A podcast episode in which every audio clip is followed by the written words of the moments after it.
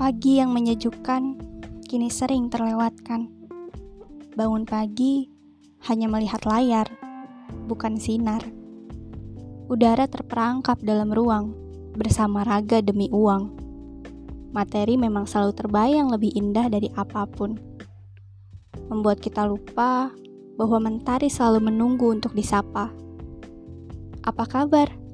Kau dikurung oleh siapa? Katanya.